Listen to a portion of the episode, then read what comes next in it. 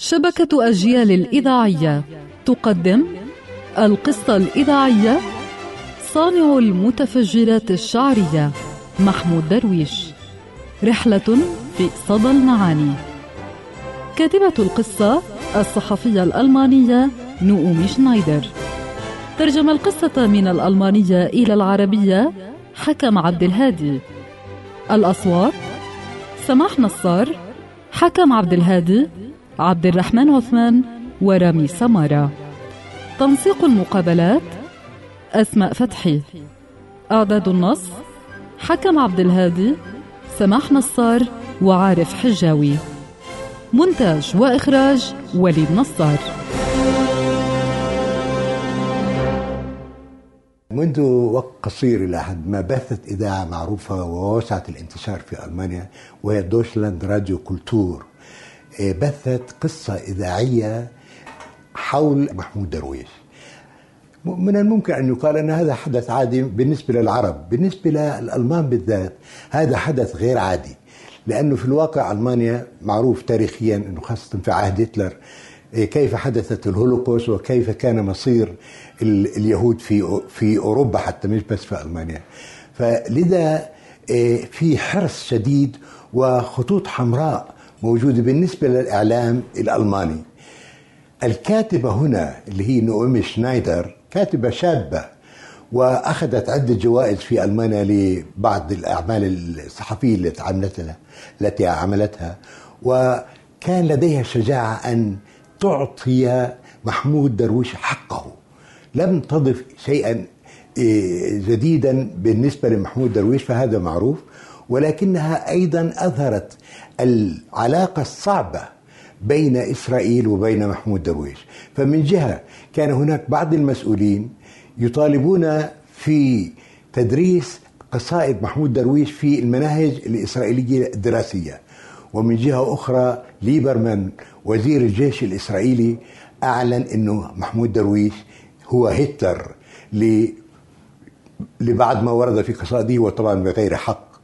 فالمهم أنه إيه يعني إيه إسرائيل كانت في مأزق بالنسبة لعلاقتها مع محمود درويش.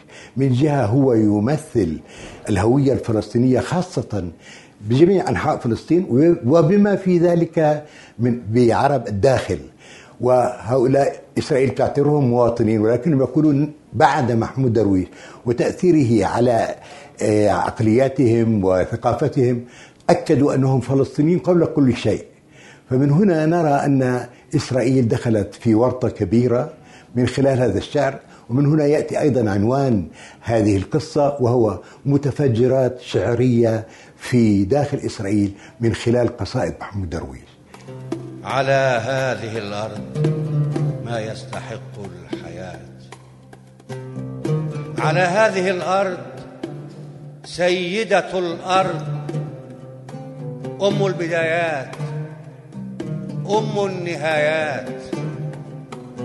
كانت تسمى فلسطين. صارت تسمى فلسطين. سيدتي أستحق لأنك سيدتي أستحق الحياة. الشاعر الفلسطيني محمود درويش. كتب هذه الأبيات وفي هذه الجملة تكمن أيضا الهاوية وفيها تكمن مكونات الصراع. ماذا تعني كلمة فلسطين؟ أين تقع فلسطين؟ ولدت إلى جانب البئر والشجرات الثلاث الوحيدات كالراهبات. ولد الشاعر في عام واحد وأربعين في فلسطين التي كانت آنذاك تحت الانتداب البريطاني. ولدت بلا زفة وبلا قابلة. عند احتلال فلسطين عام ثمانية وأربعين كان درويش أحد الفلسطينيين الذين لم يهجروا من أرضهم. وفي عام سبعين غادر درويش بلاده إلى المنفى دون أن يتوقف عن الحركة المنفى الذي قاده إلى موسكو.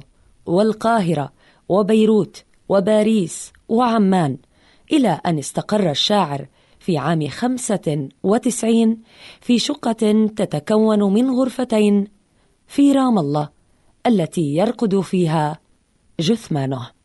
يقع متحف محمود درويش على هضبة في أطراف مدينة رام الله. مبنى ضخم صمم على شكل مدرج كالكتاب المفتوح. وفي منتصفه العلوي ضريح الشاعر. من مقتنياته ومن غرفته الكرسي اللي كان يجلس عليها. الجاكيت اللي كان يلبسه كانت عنده يشكل المتحف رئة فلسطين الثقافية كما يصفه سامح خضر مدير متحف محمود درويش.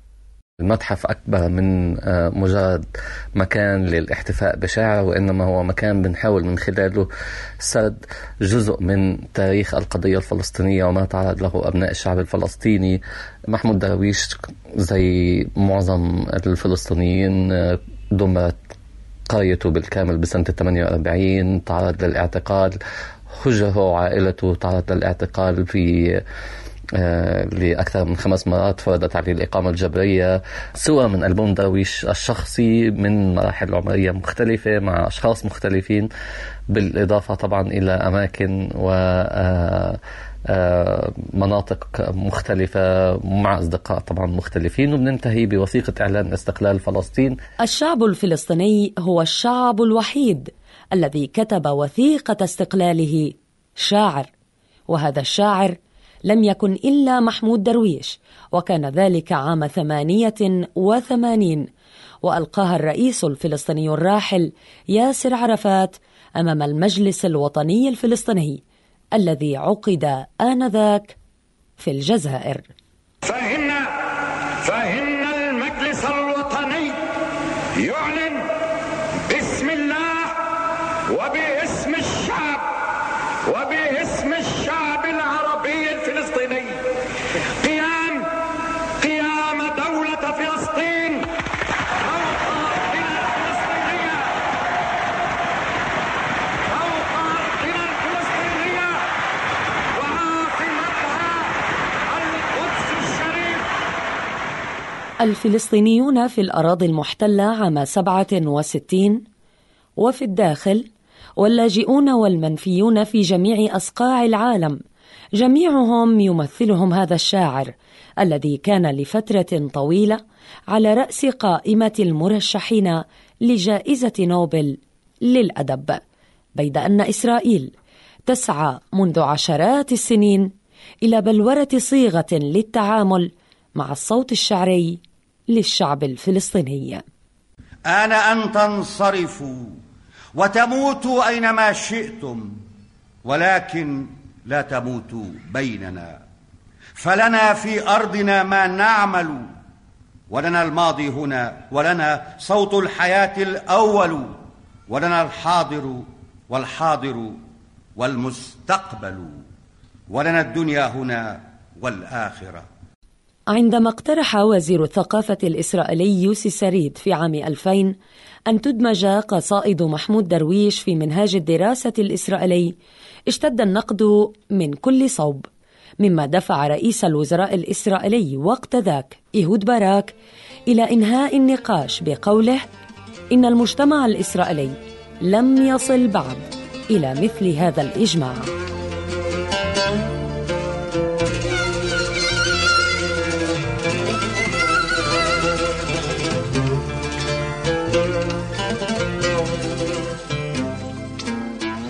اتضح أن كيفية تعامل إسرائيل مع هذا الشاعر أصبحت مشكلة حقيقية فهو يجسد هوية الفلسطينيين الذين يعيشون في الداخل والخارج. وبعدما غدت أشعار درويش على لسان جميع الفلسطينيين لم يعد بإمكان إسرائيل إدماج المواطنين العرب بالمجتمع الإسرائيلي. قصيدة محمود درويش سجل أنا عربي كانت أول الانفجارات الشعرية الدرويشية داخل إسرائيل. سجل أنا عربي ورقم بطاقتي خمسون ألف وأطفالي ثمانية وتاسعهم سيأتي بعد صيف. فهل تغضب؟ سجل أنا عربي. في عام 2016 بث راديو الجامعة التابع لراديو الجيش الإسرائيلي برنامجا ركز للمرة الأولى على قصيدة سجل أنا عربي في مقدمة الحوار الذي أجراه الإذاعي الإسرائيلي كوبي ميدان مع الكاتب الفلسطيني الطيب غنايم.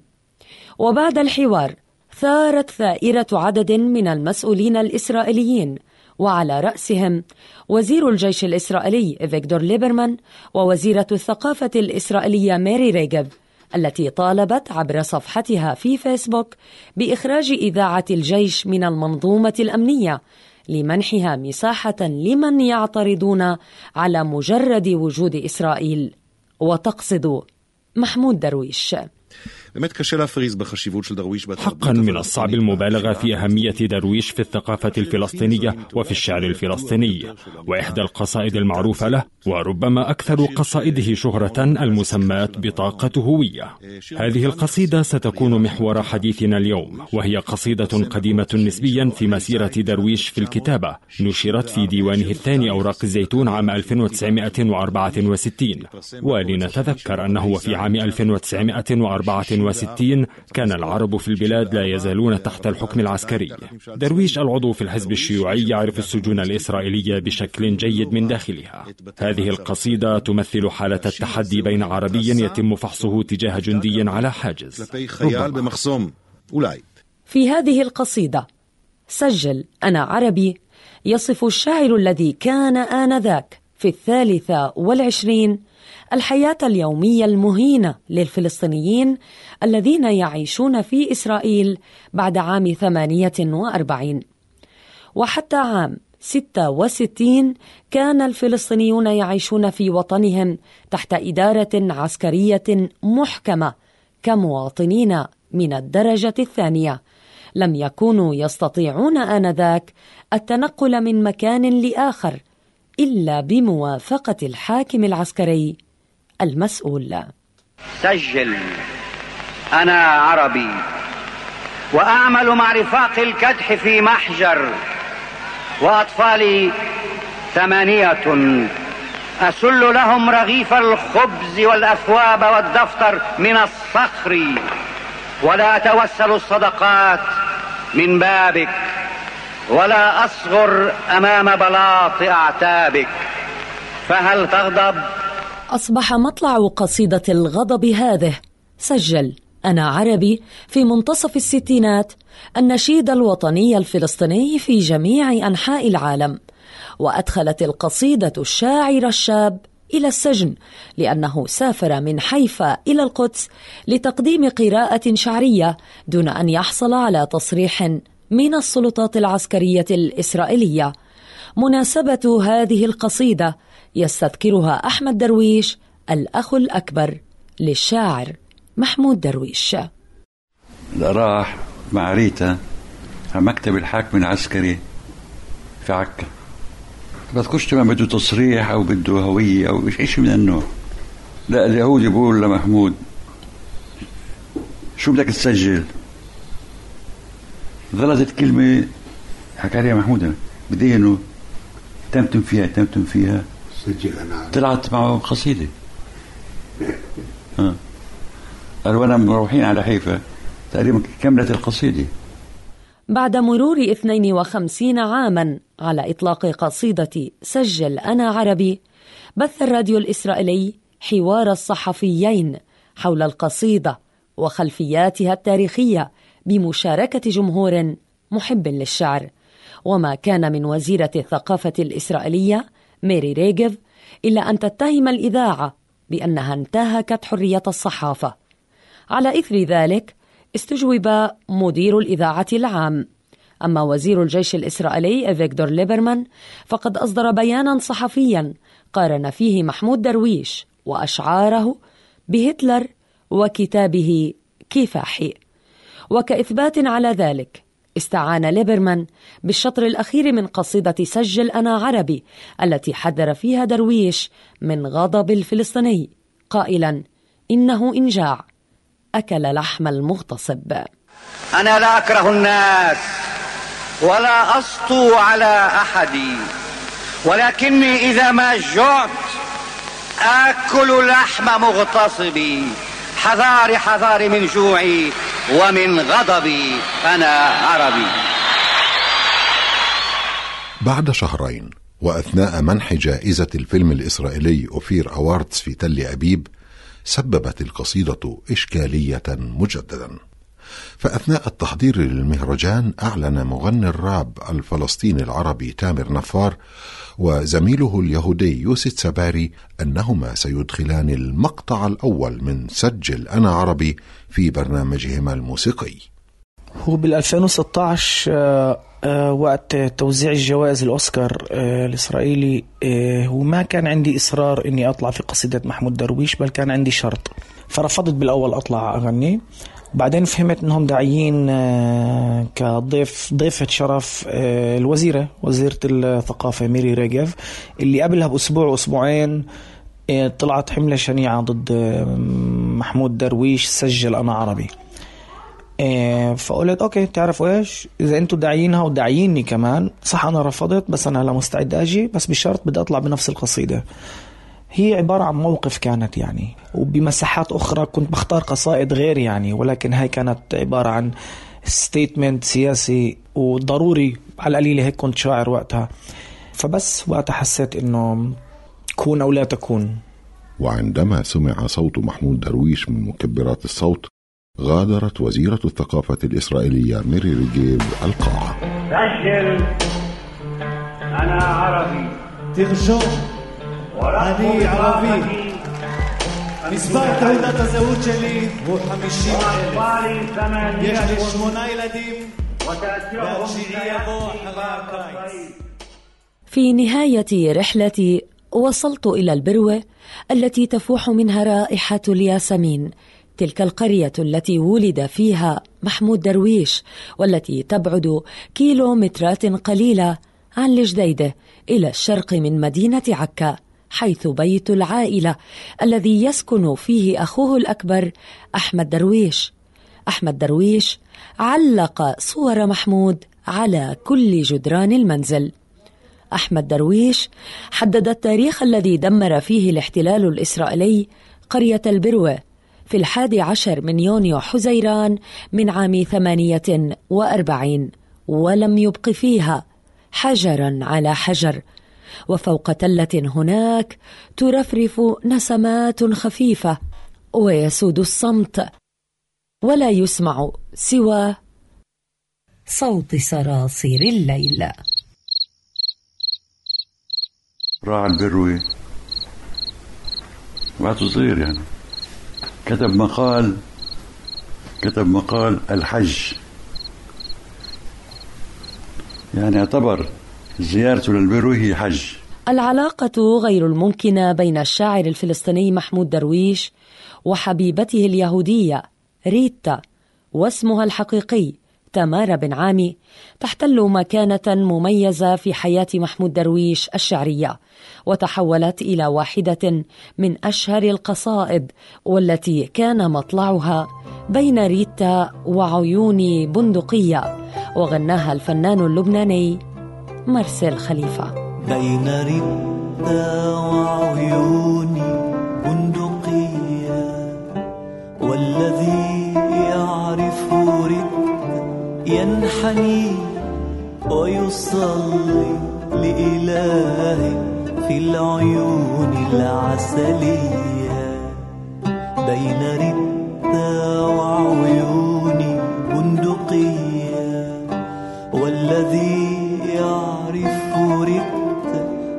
ينحني ويصلي لإله في العيون العسلية. أحمد درويش ثمانون عاما. استذكر شهر العسل مع زوجته وأخرج من هاتفه المحمول صورة باللونين الأبيض والأسود. الصورة؟ لريتا ومحمود درويش. جمعتهما بأحمد وزوجته وبعض الأصدقاء في مدينة نهارية في بداية الستينات. وبعدين بعثت الصورة من ألمانيا. أنا ما كانتش عندي صورة. شهر العسل ما كان- ما كانش عندي. هاي الأولى على اليمين. هاي ال 64 تي- تيجي لعندي هون. كثير منيحة. وبين اليهود نشط شغلات كثيرة لمحمود. وإذا كان صار عندنا أمسيات هيك ذكرى لمحمود هي بتشتغل منيح. محمود درويش خلق أزمة لإسرائيل ولساستها. فحتى بعد وفاته ما زال هذا الشاعر يثير جدلا حول كيفية تعامل تل أبيب معه. فهو يجسد هوية مليون ونصف المليون فلسطيني يعيشون في إسرائيل من ناحية. ومن ناحية أخرى يعتبر بالنسبة للقادة في إسرائيل صانع متفجرات شعرية.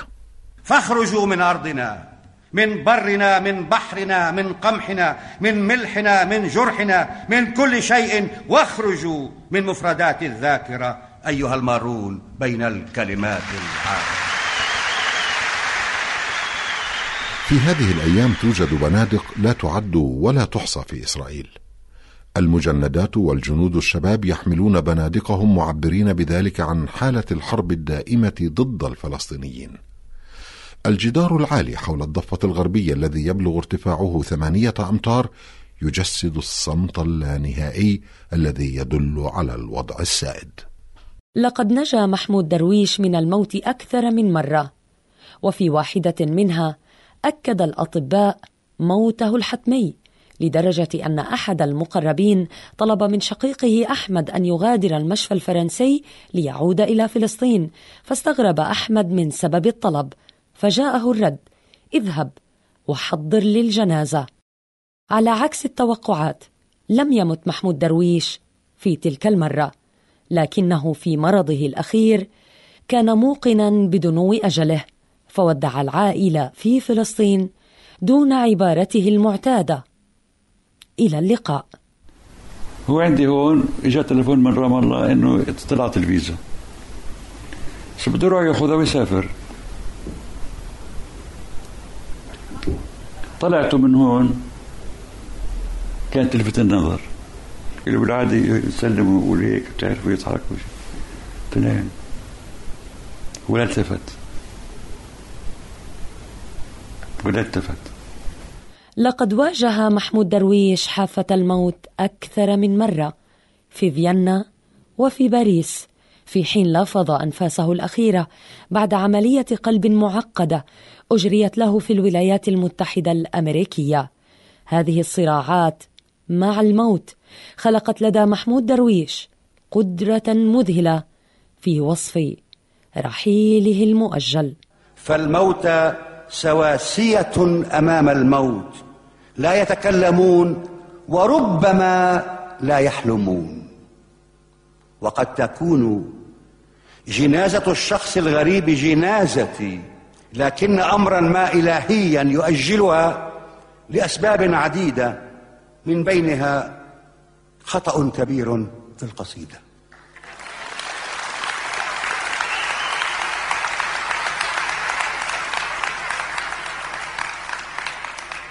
شبكة أجيال الإذاعية. القصة الإذاعية صانع المتفجرات الشعرية محمود درويش. رحلة في صدى المعاني. كاتبة القصة الصحفية الألمانية نؤومي شنايدر. ترجم القصة من الألمانية إلى العربية حكم عبد الهادي. الأصوات سماح نصار حكم عبد الهادي عبد الرحمن عثمان ورامي سمارة. تنسيق المقابلات أسماء فتحي. أعداد النص حكم عبد الهادي سماح نصار وعارف حجاوي. مونتاج وإخراج وليد نصار.